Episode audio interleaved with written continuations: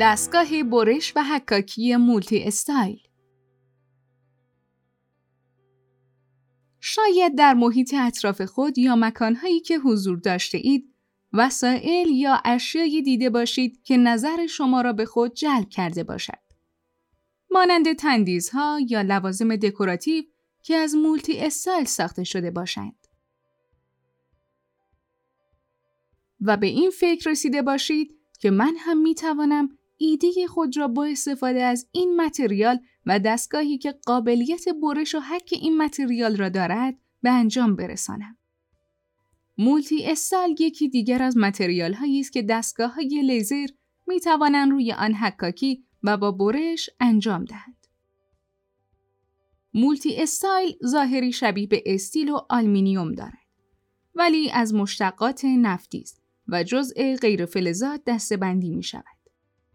و به صورت شیت و ورق به دو صورت براق و مات، ساده یا خشدار عرضه می شود. انواع متریال قابل برش و حکاکی. مولتی استایل طلایی و نقره‌ای براق. مولتی استایل طلایی و نقره‌ای مات ساده. مولتی استایل طلایی و نقره‌ای خشدار. مولتی استایل های رنگی و طرحدار. های مولتی دستگاه لیزر مولتی استایل در صنایع مختلف.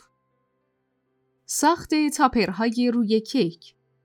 ساخت انواع پلاک و تابلو. ساخت انواع باکس های تزئینی گل. تندیس. برش نقوش و طرحهای تزئینی. وسایل دکوری تزئینی. دستگاه های پیشنهادی روتک. دستگاه برش و حک لیزری مولتی استایل مدل RT 1390 دستگاه برش و حک لیزری مولتی استایل مدل RT 6040 چرا باید برای برش و حک مولتی استایل از دستگاه لیزر مولتی استایل استفاده کرد.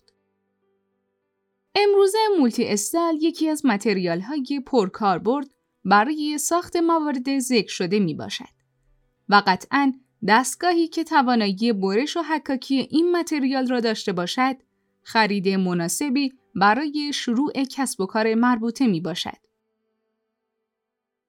اگر فکر می کنید کسب و کار شما نیازمند فعالیت با متریالی مانند مولتی استایل است به شما پیشنهاد خرید دستگاه برش و حکاکی لیزر مولتی استایل را پیشنهاد می دهیم. به طور مثال یکی از ایده های خلاقانه ساخت تاپرهایی است که روی کیک ها قرار داده می شود. تاپرها در طرحها و نوشته های مختلف برای مناسبت های گوناگون مورد استفاده قرار می گیرد. نکات مهم در حک و برش مولتی استایل برای اینکه حک مطلوب تری بر روی مولتی استایل داشته باشیم ترجیحاً روکش جدا شود و بعد عمل حک صورت پذیرد. البته در صورتی که برش را بتوان به صورت جداگانه و قبل حکاکی انجام داد. به دلیل حساسیت مولتی استایل نسبت به حرارت انتخاب سرعت و قدرت مناسب امر تاثیرگذار در کیفیت برش و حک مولتی استایل می باشد که باید به دقت انجام شود. برای اینکه رد حاصل از برش بر روی متریال باقی نماند، روکش تا بعد از برش از روی سطح متریال جدا نشود که در صورت جدا کردن روکش سیاهی های حاصل از برش از روی ورق برداشته شود. هیچ وقت دستگاه در حال کار را تنها رها نکنید. مخصوصا در زمان برش مولتی استایل. چون با توجه به اینکه مولتی استایل متریال اشتعال پذیری می باشد، رها کردن دستگاه می تواند منجر به حادثه و خسارت جبران ناپذیری شود.